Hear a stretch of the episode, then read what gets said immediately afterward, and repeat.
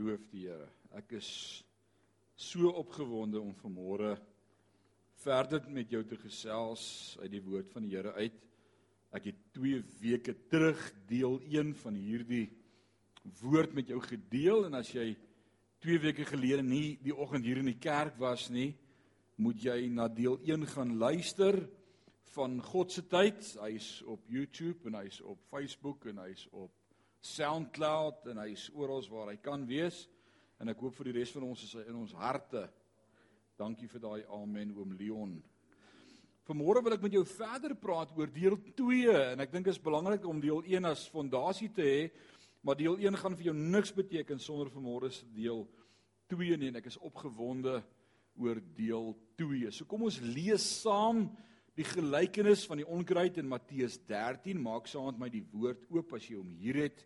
Blaai ons na Matteus hoofstuk 13. Dis die eerste boek in die Nuwe Testament, 'n fenominale hoofstuk wat gaan oor gelykenisse met betrekking tot boerdery, plant, saad, onkruid, allerlei dinge in die koninkryk en ons gaan vanmôre vir die Here vra om ons gedagtes te open sodat ons die woord kan verstaan. Vers 24 begin Jesus hy's aan die woord en hy het 'n ander gelykenis oor hulle vir haar voorgehou met die woorde God se koningsheerskappy kan vergelyk word met 'n man wat goeie saad op sy land saai. Maar eendag terwyl die mense geslaap het, het sy vyne gekom en onkruid tussen die koring gesaai en verdwyn. Toe die groen koring opskiet en in die aarde begin kom, verskyn terselfdertyd ook die onkruid. En die slawe van die boer kom toe en sê vir hom: "Meneer, jy het tog goeie saad op die land gesaai. Waar kom die onkruid dan vandaan?" En dan die woorde van die landbouer Dis 'n vyand se werk. Het hy uitgeroep: "Moet ons die onkruid gaan uittrek?" vra sy slaaf hom. Maar hy antwoord: "Nee. Dalk trek jy die koring saam uit wanneer jy die onkruid in bondels uittrek. Laat albei saam groot groei tot oestyd." Dan sal ek vir die mense wat oes sê, maak eers die onkruid bymekaar, bind dit dan in bondels vas en verbrand te word, maar bring die koring bymekaar in my skuur. En hier leer ons sekerlik een van die belangrikste lesse by Jesus. Woorde met ons spreek, woorde tot ons spreek, waar ons kan luister. Hy is die outeur van die skepping.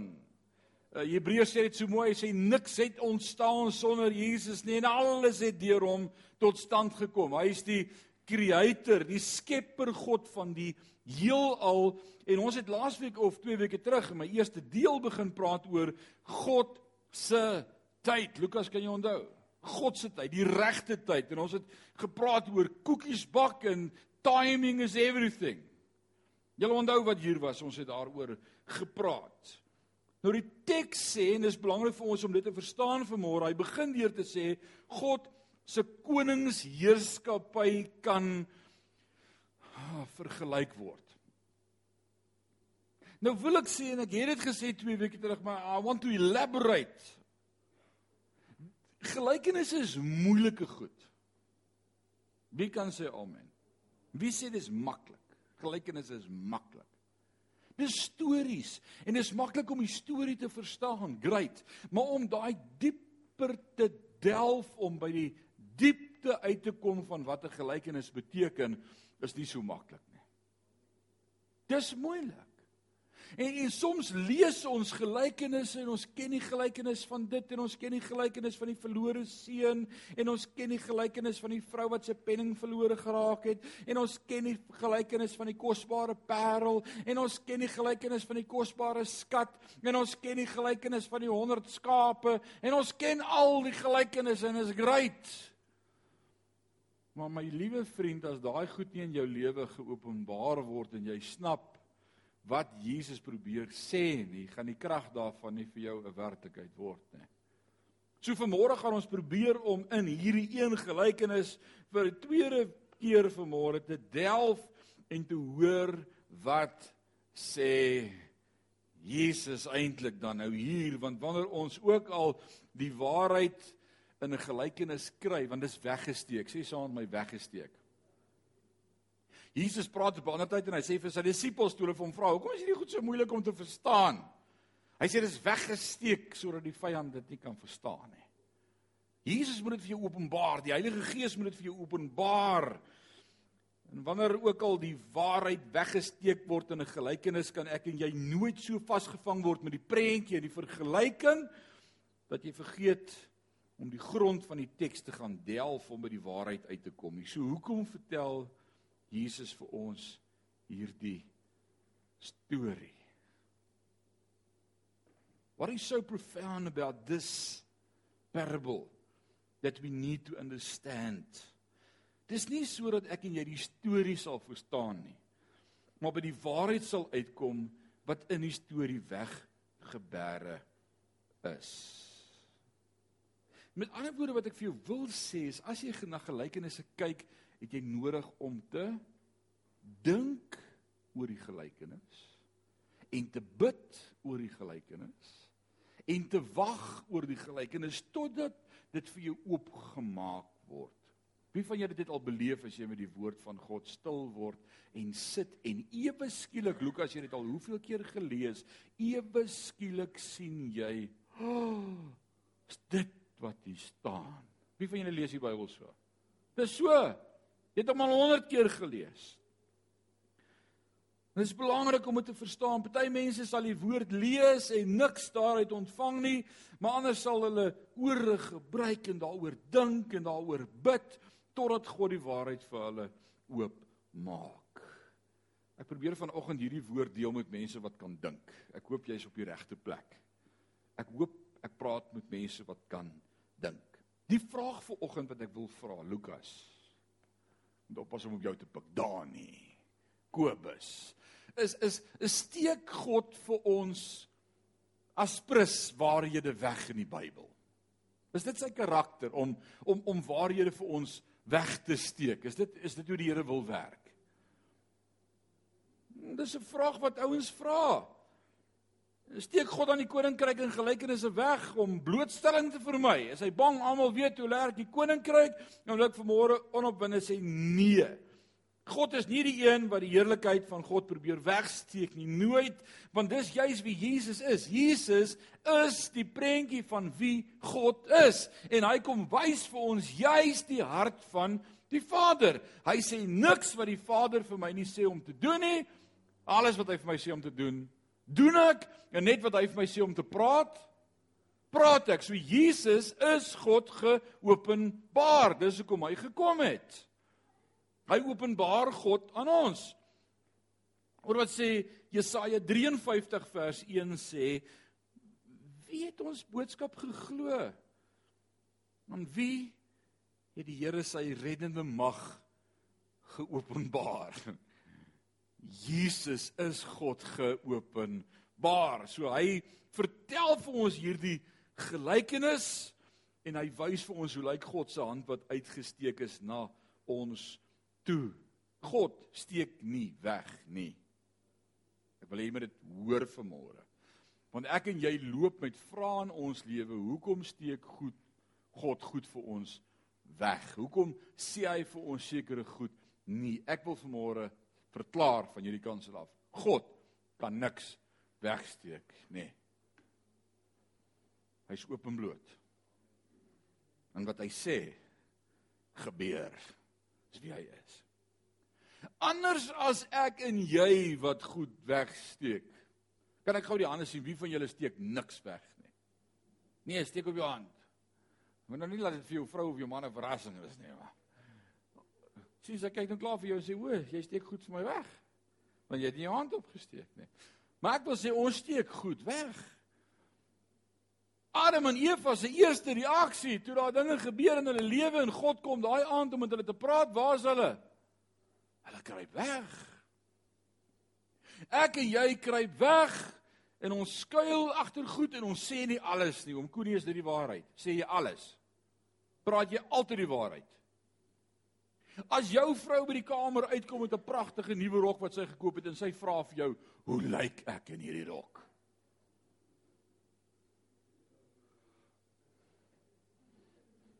Net 'n getroude man sal verstaan wat die konsekwensies kan wees van opregte waarheid. Maar jy moet die waarheid so praat dat jy vir haar sê, "Ek het nog nooit nog nooit so iets gesien nie." Jy moet jou woorde mooi kies. As jy vir haar sou eerlik sê, wie jy wat, nê. Nee, daai lyk soos 'n gooiingsak aan jou. Jo, Kobus, tot jy snap dit. jy kan dit nie altyd altyd alles reg sê nie. Soms stel ons eerder ons woorde. Jy kan nie as jy die oggend by die werk aankom op 'n maandagooggend 5 oor 8 en die baas vir jou vra, "Hoekom is jy laat?" vir hom sê, "Dat ek jou nou eintlik vertel ek was nie eens lus om vanmôre werk toe te kom nie. Jy kan die Here dank ek het gekom." As dit nie was vir die geld wat ek nodig het nie, was ek nie eens hier vanmôre gewees nie. Ek bedoel, dis die waarheid, dis wat ek in my hart voel, maar Lukas sê jy het dit vir jou baas, hy sê vir jou daar's die pad. Daar's net sekere waarhede wat jy nie kan sê nie. Maak dit dat ons lieg vir mekaar. Nee, ons is diplomaties. Dis 'n baie mooi woord. En is deel van 'n goeie karaktereienskap om diplomaties te kan dinge sê en oordra. Jy iemand vra nou die dag, wat wat beteken diplomatie? Toe sê ek dis om iemand hel toe te stuur wat hy uitsien na die trip. Dis diplomaties. Sê Jesus, die dominee het ons vanmôre hel toe gestuur. Dit klink wonderlik. Dis diplomaties. Ek en jy steek goed weg in ons woorde en ons gedagtes. Ons sê nie als nie. Sê 'n bietjie vir my ek's die vrou van jou lewe. Nee, is eintlik nommer 5, maar die ander 4 het ander mans gevat. Jy jy kan dit nie sê nie. Ek sê nie dis vir my lewe waar nie. Ek probeer net voorbeelde gebruik. Jy weet, ons sê nie als vir mekaar nie. Is dit nie so nie oom Leon? Nou praat hy die waarheid. Dis waar. Ons doen. Ons steek goed weg. God steek niks weg nie. Hy het niks om weg te steek nie. So wanneer die woord vir ons kom sê God se koninkryk kan vergelyk word met moet ons nie dink dat God die waarheid vir ons wegsteek nie. Nee, ek wil eerder dit volg so so verduidelik vir jou. Uh, wie van julle het graad eentjies in die huis? Wie van julle se kleinkinders is om by 6 jaar oud? OK, wie van julle was al 6? Laat ek net daar begin. Ja, OK, almal. Goed. Ons is op dieselfde trek. Maar jy verstaan met kleintjies. Daar's sekere waarhede Lianke wat jy baie graag vir Daniel wil kommunikeer. Jy wil hom vertel van goed. Maar jy het nie die woordeskat of die intellek wat met hom kan connect met sy verstaan om hom te vertel wat hy nodig het om te hoor nie. So as jy vir hom moet vertel waar sy Pappa, wat wat sê jy vir hom? Sê hy by sy ewige hemelse tuiste, het hy gearriveer waar hy vir die ewigheid saam met God gaan wees. Ek Jesus. Hoor jy wat ek sê? Jy gaan dit nie verstaan nie. Die kind is twee. So ek probeer prentjies skep oor liewe Jesus sodat hy sal verstaan wat ek verduidelik. En so kom hierdie rabbi, die perfekte leermeester van 'n ewigheid en 'n heelal al waaroor ek en jy nie 'n klou het nie. En hy sê, "Oké, okay, kom ons probeer dit vir julle so verduidelik." Dalk dalk snap jy dit dan. Die koninkryk van God is soos dalk gaan die prentjie jou help om iets te snap van hoe God se koninkryk werk. My gebed is dat jy vanmôre sal snap hoe God se koninkryk werk. En dan probeer Jesus afkom tot ons vlak van verstaan sodat ons dit dalk kan snap.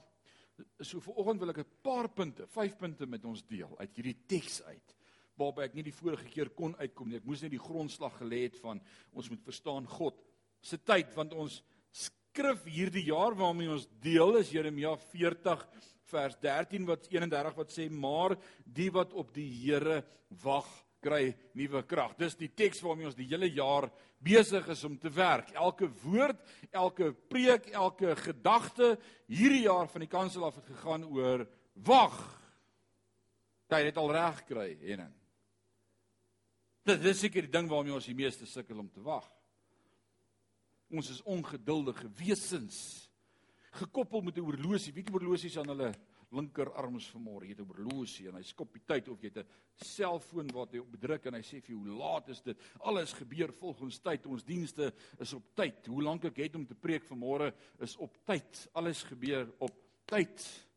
Die volgende dienste mense wil inkom, hulle wil kom parkeer, jy met jou kar verwyder. Alles gaan oor tyd.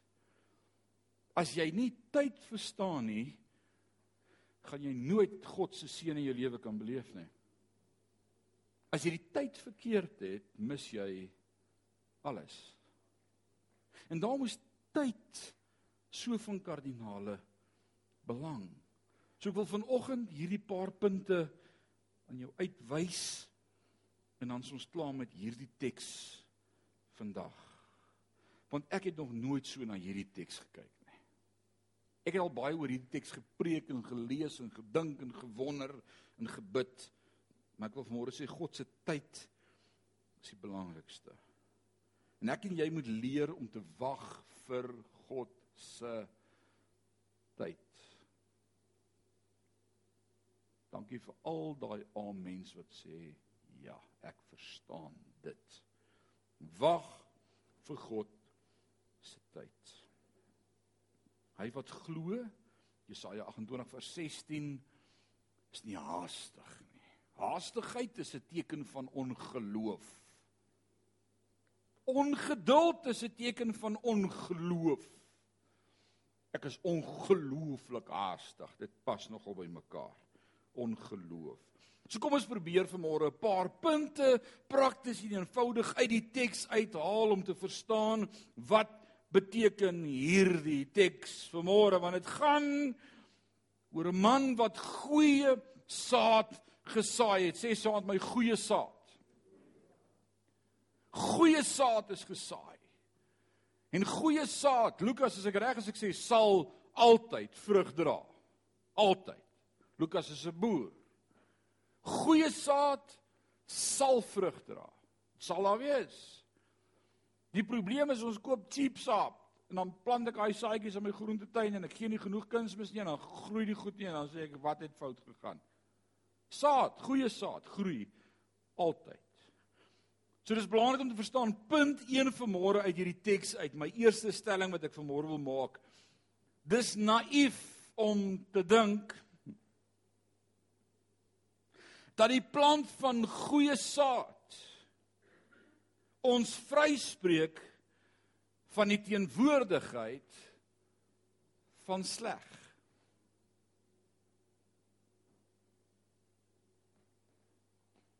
Dis naïef van ons om te dink dat die plant van goeie saad ons vryspreek van die teenwoordigheid van sleg.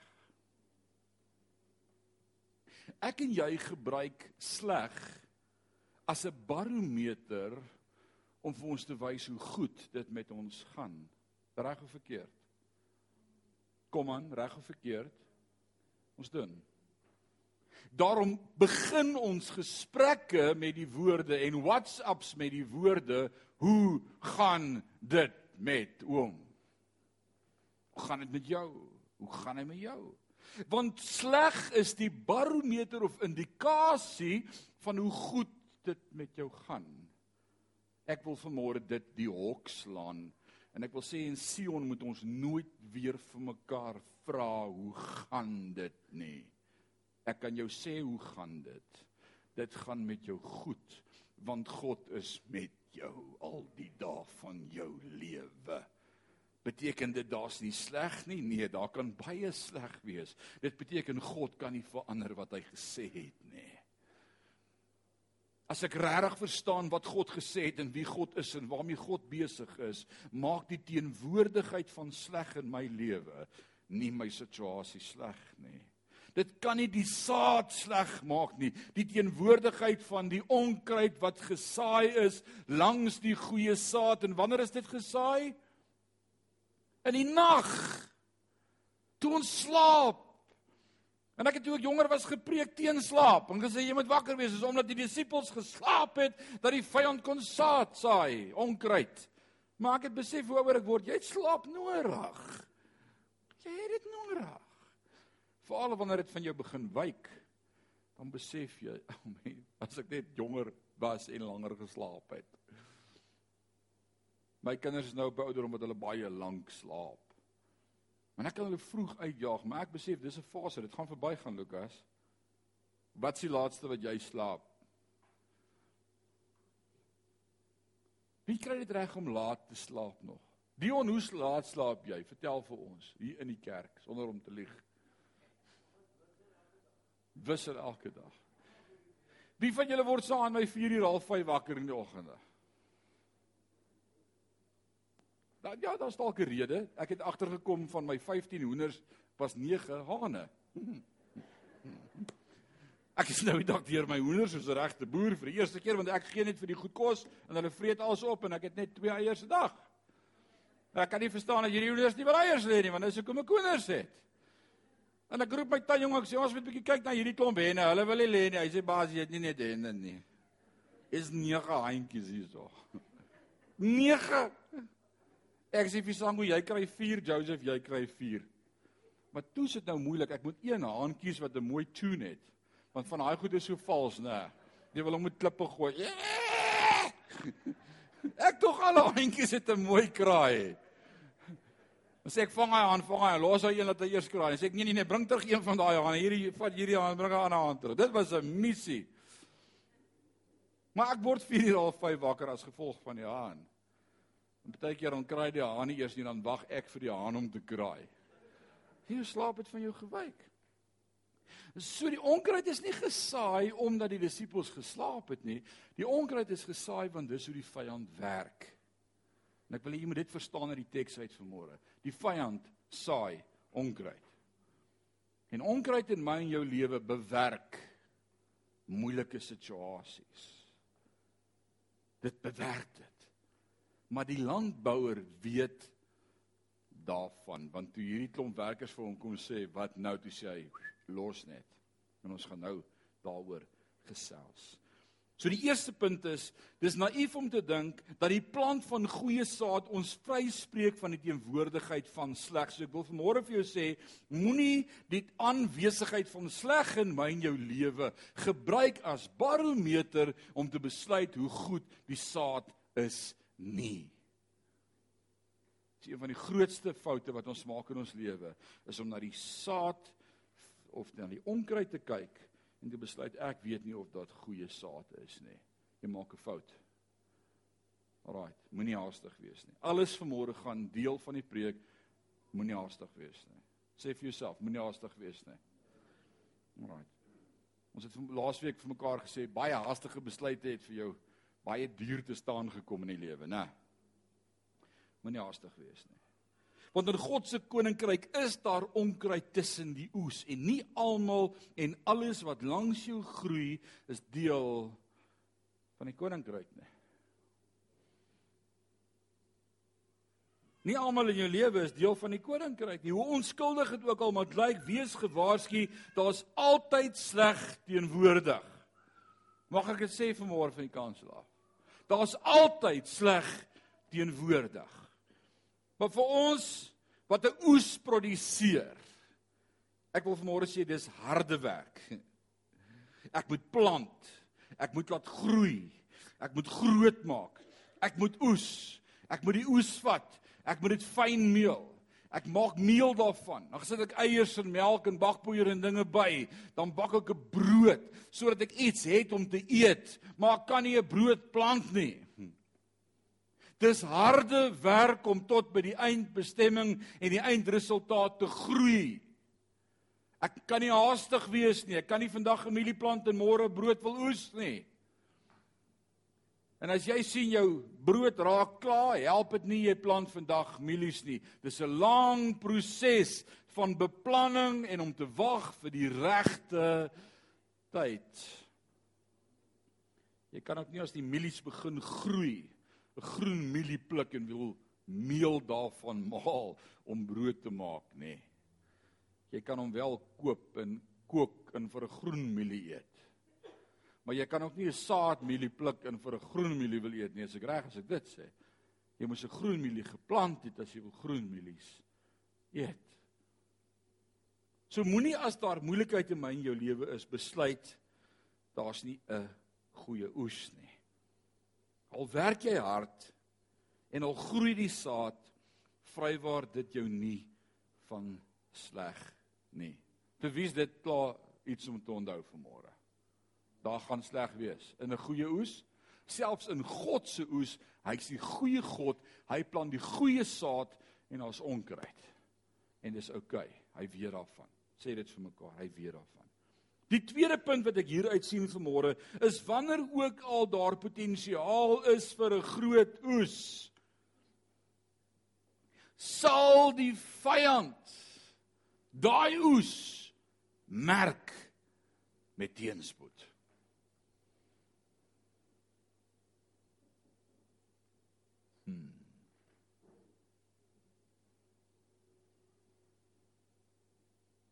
Ek en my vriende praat en ek sê vir hulle ek gaan as die Here wil Desember Wes-Kaap toe.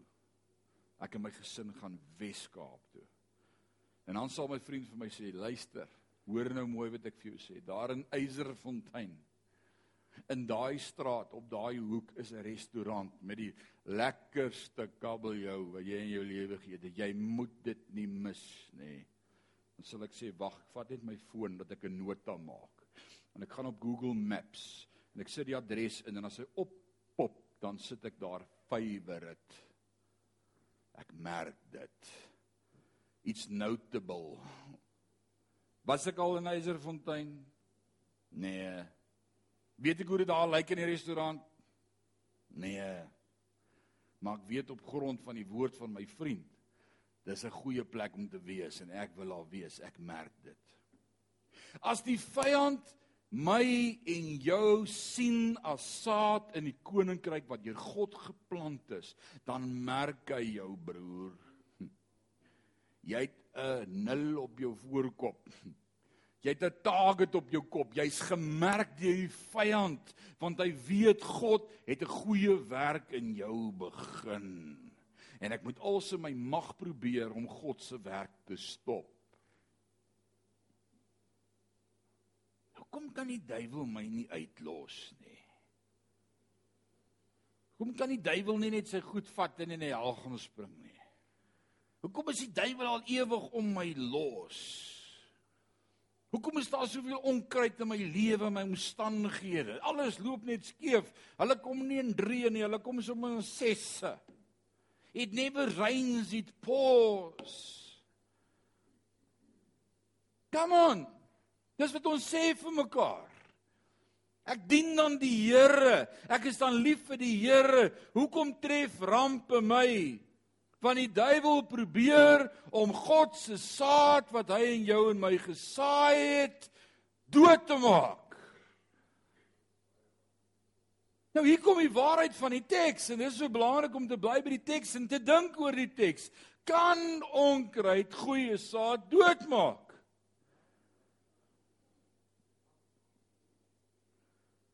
Onkruid kan goeie saad net doodmaak as ek dit eerstens toelaat en los en nie die reëls gebruik wat vir my gegee is om te weet wanneer om onkruid uit te trek nê. Nee. In 2000 jaar terug toe Jesus hierdie gelykenis vertel het, het hy nie gepraat van gif spuit nê. Nee. Dis nou maklik die boere bel net die vlug, die vliegtyg en sê spuit gif of hulle sit die spuitsakke op of hulle kry die gifkar en hulle ry deur die lande en hulle spuit gif wat net die onkruid doodmaak. Dis kroek. As Jesus die landbouer hierdie gelykenis vir ons vertel, is daar iets van timing om te weet wanneer om met die onkruid te deel.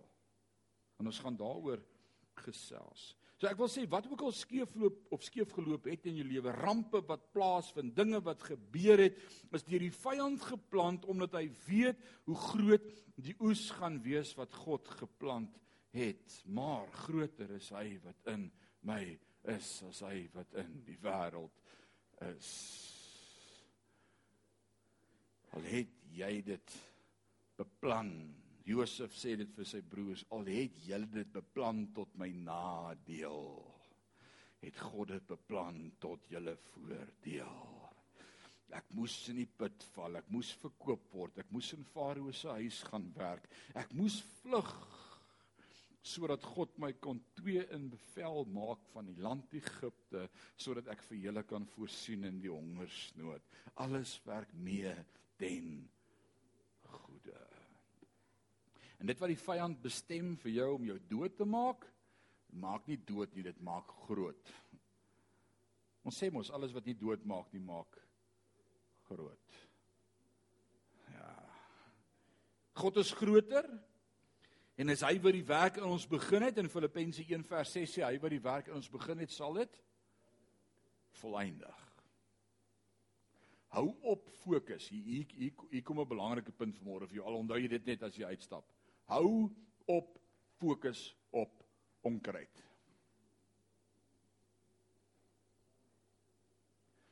Ja, ek weet nie van jou nie, maar die plekke waar ek gaan in die gesprekke waarna ek luister en die dinge waaroor mense praat wat om my is, is maar heel lekker onkruid.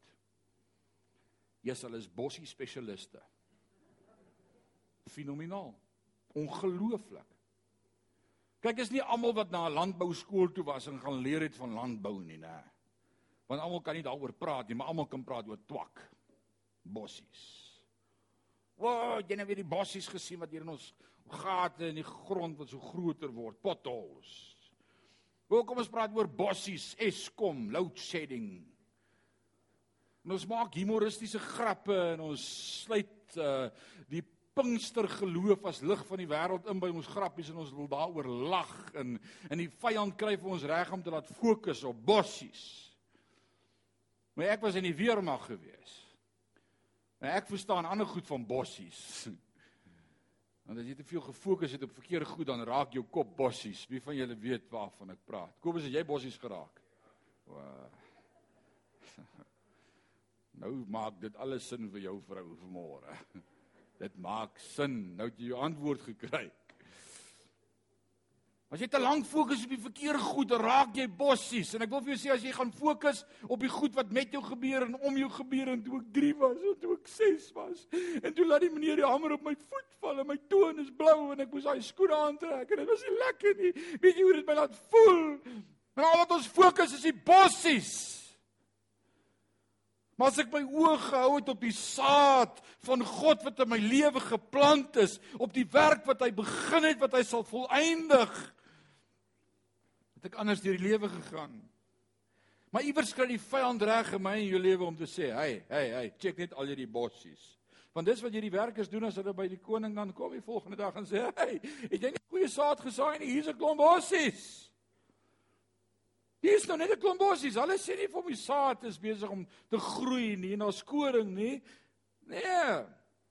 Die derde punt wat ek wil maak vanmôre is korrupsie en vernietiging is twee verskillende dinge.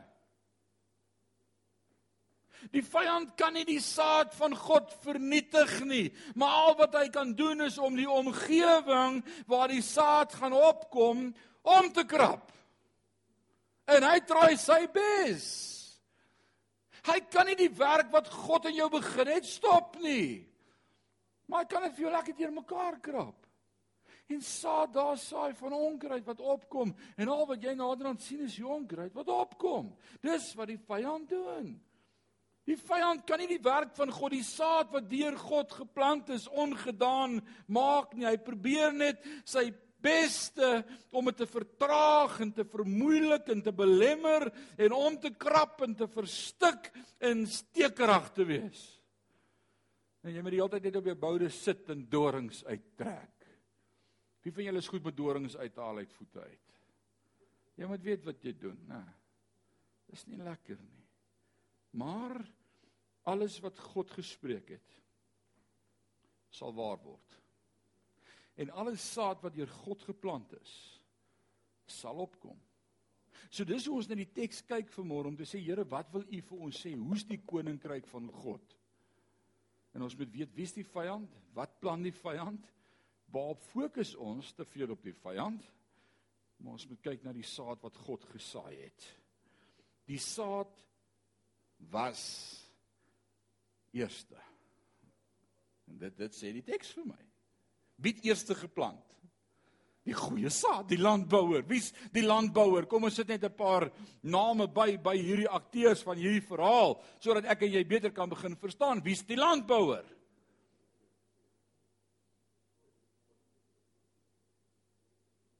Ons kan sê God die Vader is die landbouer. Of ons kan sê Jesus is die landbouer. Dis hy wat die saad in ons harte plant. Dis goeie grond. Ons behoort aan die Here. Efesiërs 1 kom Paulus en hy verstaan so iets van hierdie teks as hy sê geseënd is die God en Vader van ons Here Jesus Christus wat ons geseën het met alle seëninge in die hemel en op die aarde wat ons verordeneer het voor die grondlegging van die aarde wat voordat die begin begin was reeds vir jou 'n plan gehad het van goeie saad in jou lewe Filippense 1:6 hy wat die saad in jou geplant het hy sal dit groot maak en laat groei totdat dit 'n oes oplewer vir God want dis hoe God werk. Jy sal raak opgewonde vanmôre korrupsie en die vernietiging in jou lewe is nie dieselfde ding nie. Dit is twee verskillende goed en hoeveel keer vra ek en jy vir die Here, hoekom loop alles skeef? Dis nie snaaks nie, Daniel. Hoekom loop dinge skeef? Wat gaan aan met my vandat ek die Here dien is die hel los? Ja, dis dis heeltemal reg. Dit dit dit moet so wees. Dis hel wat los is om jou is nie 'n indikasie van God se seëninge nie.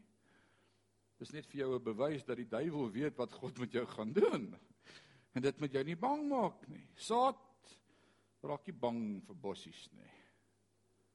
Saad praat nie oor bossies nie. Ek verstaan nie wat aangaan nie. Hoekom moet die dinge so lyk? Wel dit bring my by punt 4 en is baie belangrik om dit in die teks te sien vanmôre. Moenie dat die vyand jou op 'n syspoor plaas en op die verkeerde goed laat fokus nie. Moenie dat die vyand reg kry dat al wat jy sien is bossies nie.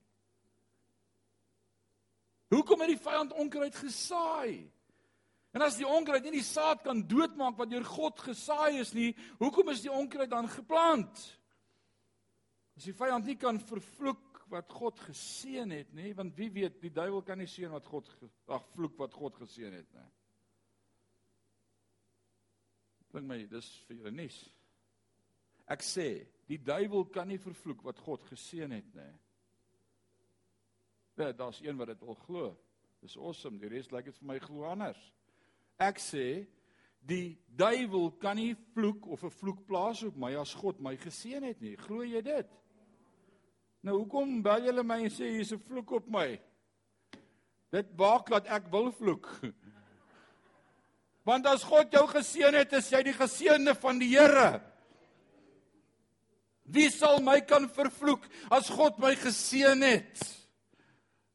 As God oor my lewe gespreek het, kan geen demoniese sataniese heks of wat ook al gebeur daar buite geoffer word, 'n vloek op my plaas nie want ek's die geseënde van die Here. Maar ons glo dit nie. Ons kyk na die bossies en dan raak ons bossies. Mag die Here ons help vanmôre. Ek hoop nie ek's te ernstig vir jou vandag nie. Maar ek het agtergekom God se woord is ernstig want hy wil hê ons moet verstaan. As die vyand nie kan vervloek wat God geseën het nie, hoekom plant hy dan onkruid in my lewe? Hier kom die hoekom. Ek wil dit graag vir jou verduidelik. Ek wil graag vir jou sê hoekom. Jy het jou hele lewe lank gevra hoekom? Ek gaan vanmôre vir jou sê hoekom. Dit staan in die teks. Ek het dit nog nooit gesien nie. Nou kom die werkers by die landbouer en hulle vra vir hom nou hierdie vraag. Moet ons die onkruid uittrek? Hierdie goed wat ons sien wat nie van U is nie, moet ons dit uittrek. En dan wat antwoord die landbouer? Nee! Moenie! Moenie! Moenie dit aan uittrek nie. Dalk trek julle die koring saam uit wanneer julle die onkruid in bondels uittrek. Die vyand weet presies wat 'n onkruid om in jou lewe te saai. Want al wat jy gaan begin doen is jy gaan begin bossies uittrek. Nou, ek weet nie van jou nie, maar ek verstaan so iets van landbou. En onder die grond gebeur baie meer onder die grond voordat dit bo die grond begin gebeur. As ek reg as ek so sê. There's the development of a root system. We we, we speak about it's rooted. Ons het in die week vir mekaar hierdie pragtige uh definisie uh tweetalige definisie by uitgekom as ons personeel we said if if you are not rooted you won't be fruited. Uh jy moet Pinkster wees om dit te verstaan. Maar as jy nie gegrond is en geplant is en geanker is en geaard is en jou wortels gegroei het nie, gaan daar nie vrugte in jou lewe wees nie. Dit is net so. Dis 'n praktiese eenvoudige definisie vir 'n tegniese hoërskool kandidaat. You can't be fruited if you are not rooted. So so, so wat is die doel van die vyand se taktik om dan onkruid om ons en in ons lewens te saai? Hierdie goed wat ons so besig hou want hy wil hê jy moet dit sit en uittrek. En weet jy wat gebeur as dit klein mieletjies is en klein plantjies is wat geplant is en jy sou gaan en daai onkruid uittrek, hulle wortelstelsel maak so so so in mekaar ingevleg. En dit is tot om die wortels van die mielies van die goeie plante. En as ek daai wortels sou sit en uittrek die heeltyd en besig wees om daai roots uit te kry, is ek ook besig om dit wat God geplant het, wat besig is om te groei, skade te berokken. Jesus, ek het al in my lewe gekrap aan bossies. Nie verstaan waarmee die vyand besig is nie. Maar wanneer ek iets begin verstaan van hy wat wag op die redding van die Here. Hy gaan aangedoen word met krag uit die hoogte. Wag is die bewys van geloof. Daar's 'n tyd om te plant en 'n tyd om te oes. As jy net gaan begin fokus op die onkruid en al jou tyd en energie daarop spandeer, vra ek vanmôre, hulle vra moet ons hierdie saad uittrek, moet ons moet ons hierdie goed nou eh, eh, en en Jesus sê nee. Nee. En ons wil so graag die Here help bossies uittrek in ons lewe, wil ons nie? En, en ons trek bossies uit in ons vrou se lewe want ek dink nie jy weet regtig wat in jou hart aangaan nie, maar ek weet, ek weet alles. My vrou, hierdie ding, nee, jy moet daarmee deel. Jy moet met die Here praat daaroor. Hierdie bossie wat in jou lewe is, ek ken bossies, laat ek vir jou vertel, jy het 'n bossie in jou lewe. Nee, julle verstaan glad nie waarvan ek praat nie, nee. Ja. Ja. Los ander se bossies uit.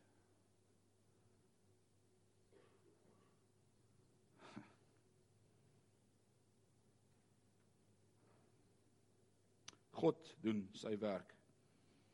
En ons wil ophou om vir hom te sê hoe moet hy sy werk doen? Vir hom sê hoe hy moet maak en wanneer hy dit moet maak. Wil sê hou op fokus op die onkruid, fokus op God. Soek allereers die koninkryk van God en sy geregtigheid en al hierdie dinge sal vir julle bygevoeg word. Dit vat meer geloof. Ek ek wil hierdie stelling maak. Dit vat meer geloof om niks te doen nie as om iets te doen. Jesus hy was so besig om vir die Here te werk. Wow, hy's 'n gelowige man. Wow. Dit vat meer geloof om niks te doen nie. En vir God te wag as om maar iets self te probeer doen. Is dit die vrou wat die Here vir jou gekies het? Ja, ek is seker pastoor, jy weet ek word nou al 30 en 'n mens kan nie vir die res van jou lewe net ek word ouer en ouer en jy weet ek moet nou maar ons moet nou maar keuses maak. Ek dink dis die man wat die Here vir my gekies het, weet. Hy wat glo is nie haastig nie. Nou kies die Here vir jou die man en 10 jaar later dan sit jy by my vir huweliksberading en dan sit hierdie man wat die Here vir my gegee het. Nee nee nee, jy het hom gekies. Jy het hom gekies. Jy het hom gekies. Stamp aan hom en sê amen. Jy daar stamp aan Koenie sê amen. Dis nie die Here nie, jy het hom gekies. Nou bid ons vir genade en sê Here, help ons. Ek sit nou met hom en dis waar genade inkom. Genade kom eers as daar kommitment is.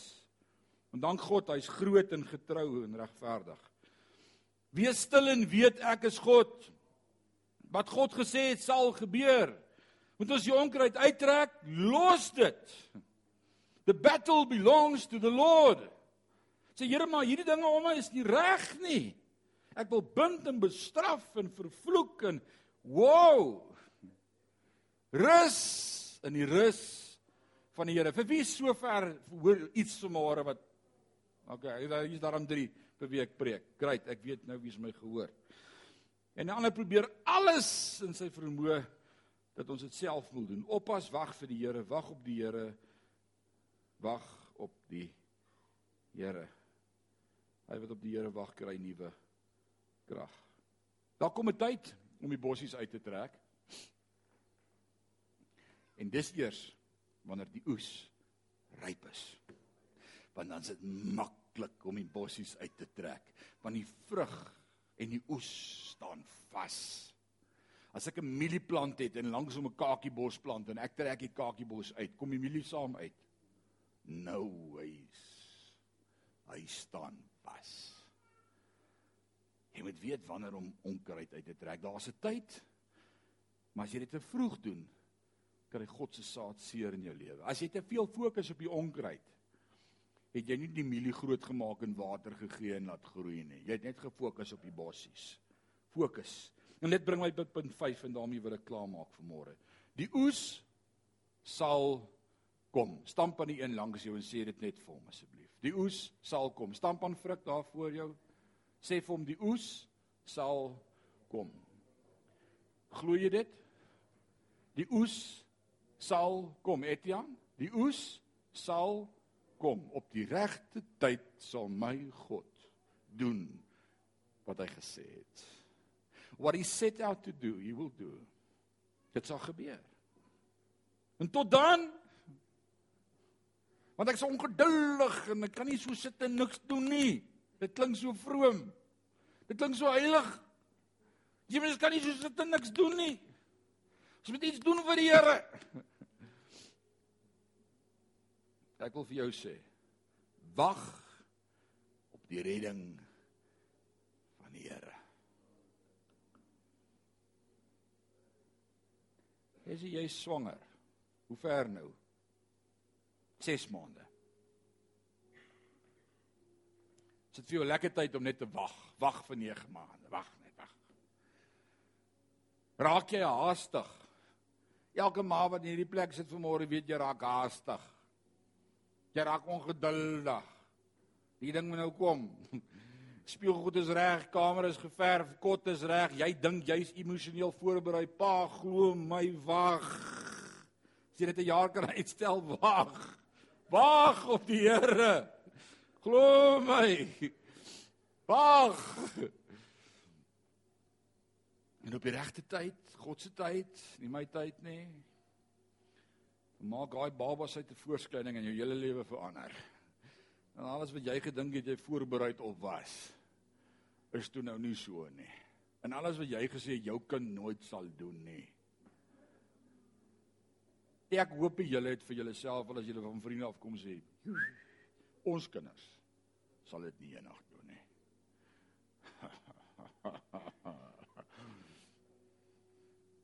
Skielik kom jy agter jy weet niks. Jy is so dom soos grond. Jy weet niks. Daar's nie 'n handboek oor hoe om die grootste pa te wees nie. En ons maak almal foute. Ons moet net wag op die redding van die Here. Elkeen van ons in hierdie plek vanmôre is iets in jou lewe mee besig waarom jy wag actually die Here wil hê jy wag maar jy wag nie. Jy's haastig, jy doen oorhaastige dinge. Jy het seer gekry want jy dinge wat jy nie hoef aan te spreek in jou lewe nie, probeer aanspreek in jou eie krag. Eh, die woord van die Here sê die profeet kom en hy profeteer en God sê nie deur krag of deur geweld Maar deur my gees, so spreek die Here. En ek sien skielik hierdie week in my lewe hoeveel goed ek in my eie krag en met my eie geweld en met my eie krag wou doen en dan werk dit nie en ek kry net seerder en dan dink ek wat gaan nou aan in my lewe? Ek kan nie so sit en niks doen nie. Ek word ouer. Hy wat wag op die redding van die Here. As jy iets verstaan van God se tyd, dan raak jy rustig. En jy fokus nie op bossies nie. Maar hy wat sy weer in God se woord soek en oordink dag en nag. En die woord nie laat afwyk uit sy hart uit nie. Hy sal wees soos 'n boom wat geplant is by water strome wat sy vrugte gee op die regte tyd.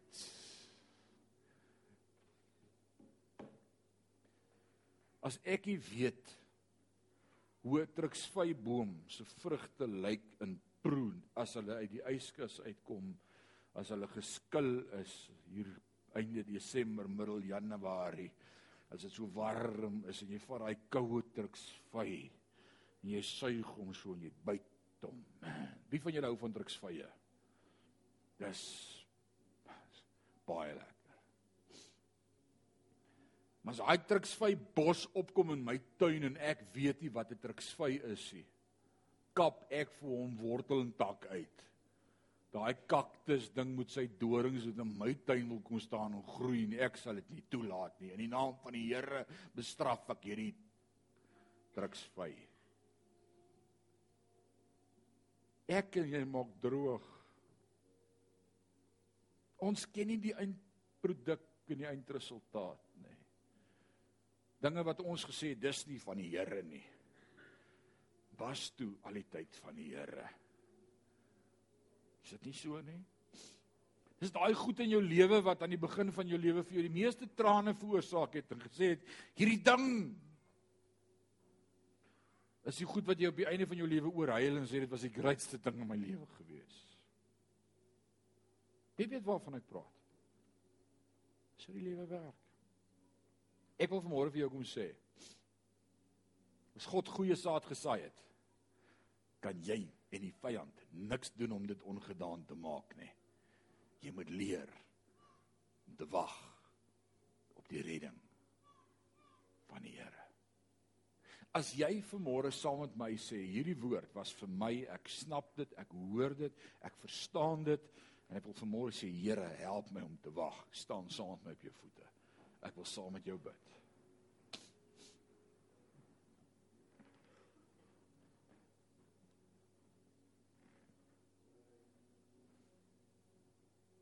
Here God, dankie vir u woord. Dankie dat U nie laat vaar die werke van die hande nie. En ek wil vanmôre bid dat ons vanmôre opnuut U goeie saad in ons lewe sal raak sien en ophou fokus op die bossies en op al hierdie twak waarmee ons ons besig hou. Ons wil vanmôre kom vra Here vergewe ons dat ons onkruid spesialiste geword het. Ons maak ook soos die werkers wat by die landbouer kom en sê kyk net al hierdie saad wat gesaai is, die onkruid En u sê fokus op die saad. Dis deur God gesaai. Dis ewige saad, onverganklik en dit sal vas staan tot in ewigheid omdat God gespreek het sal gebeur, dit sal so wees. En ons wil vanmôre ekskuus sê dat ons ons geloof in u verloor. Dat ons so maklik paniekerig raak en fokus op die verkeerde goed in die lewe. God said it. I believe it and that settles it. Dit sal so wees want God het so gesê.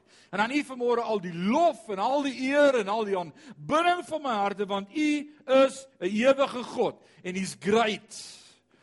En Hy laat vaar nooit die werke van U hande nie. Ek geloof U daarvoor. In Jesus naam. En Sion sê amen en amen.